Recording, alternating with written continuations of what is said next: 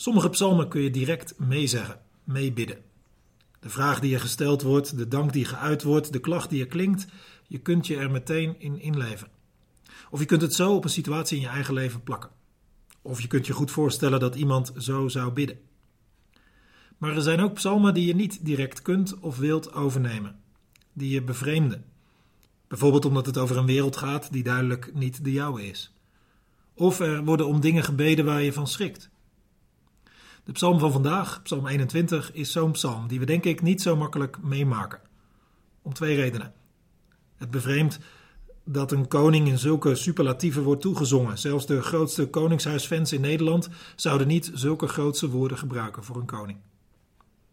In de tweede plaats bevreemdt het doordat in het tweede deel met zekerheid wordt gesteld dat God de koning zal helpen om zijn vijanden te straffen en ook hun kinderen zal verdelgen. Dat is niet helemaal hoe een oorlog of veldslag via de conventies van Genève uitgevoerd zouden moeten worden. En de vraag is dan: wat moeten wij met zo'n psalm? Welkom bij de Noorderlicht Rotterdam podcast. Een serie gesprekken over geloof en psalmverdiepingen, waarmee je aan de slag kunt in je eigen leven. Nou, laten we hem eerst maar gewoon lezen. Voor de koorleider, een psalm van David. Heer, uw kracht verblijdt de koning.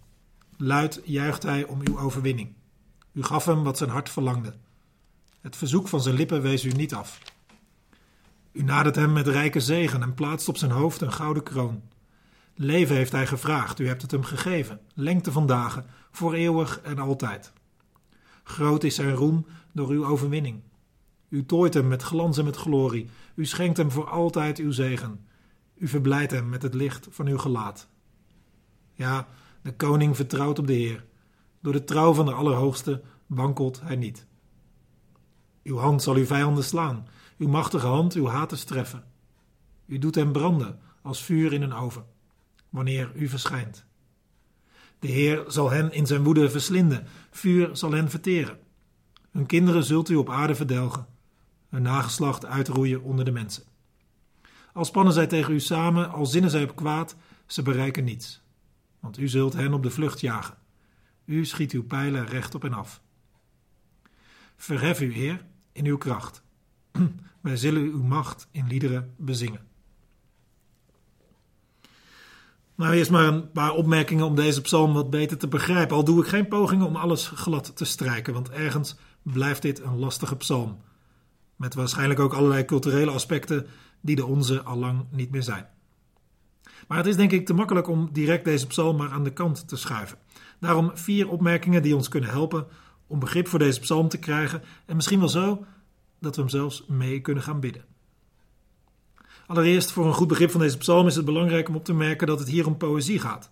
Het is lyrische taal.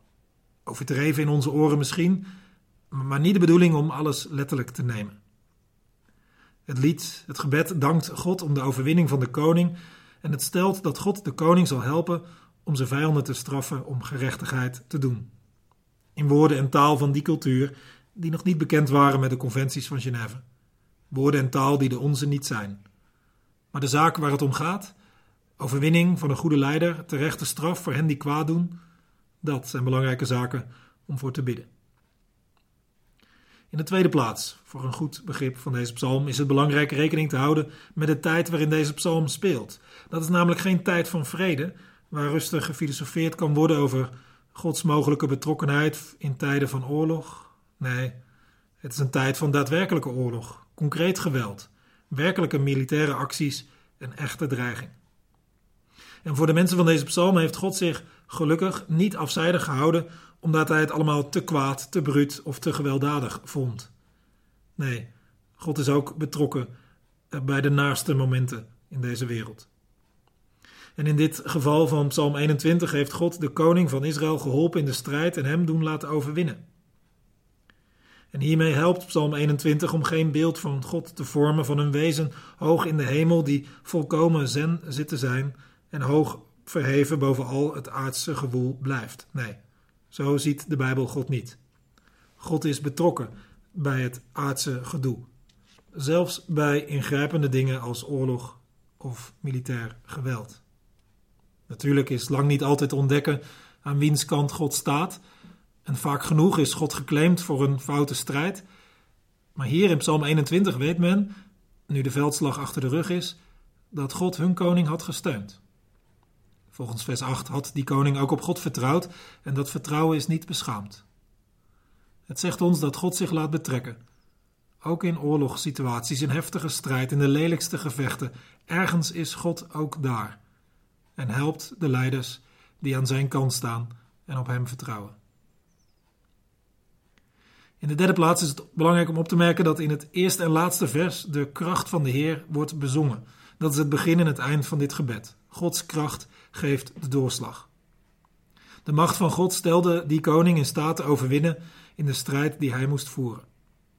Psalm 21 weet dat Gods kracht de doorslag geeft en is zwaar onder de indruk van die kracht van God. En hij wil God erom eren. Dat is misschien iets wat we mee kunnen nemen uit deze psalm. De kracht van God, die is indrukwekkend. En hij laat die werken voor het goede en de goede leiders. En je kunt hem erom eren. Als vierde en laatste opmerking om deze psalm te begrijpen. In later tijd heeft men vaak Jezus herkend in deze psalm. Bijvoorbeeld deze zinnen. U nadert hem met rijke zegen en plaatst op zijn hoofd een gouden kroon. Leven heeft hij gevraagd, u hebt het hem gegeven. Lengte van dagen voor eeuwig en altijd. U tooit hem met glans en glorie. U schenkt hem voor altijd uw zegen. Ja, dat gaat bijna niet meer over een aardse koning. Dat, dat sluit veel meer aan bij het eeuwige koningschap dat Jezus volgens het Nieuwe Testament gegeven is.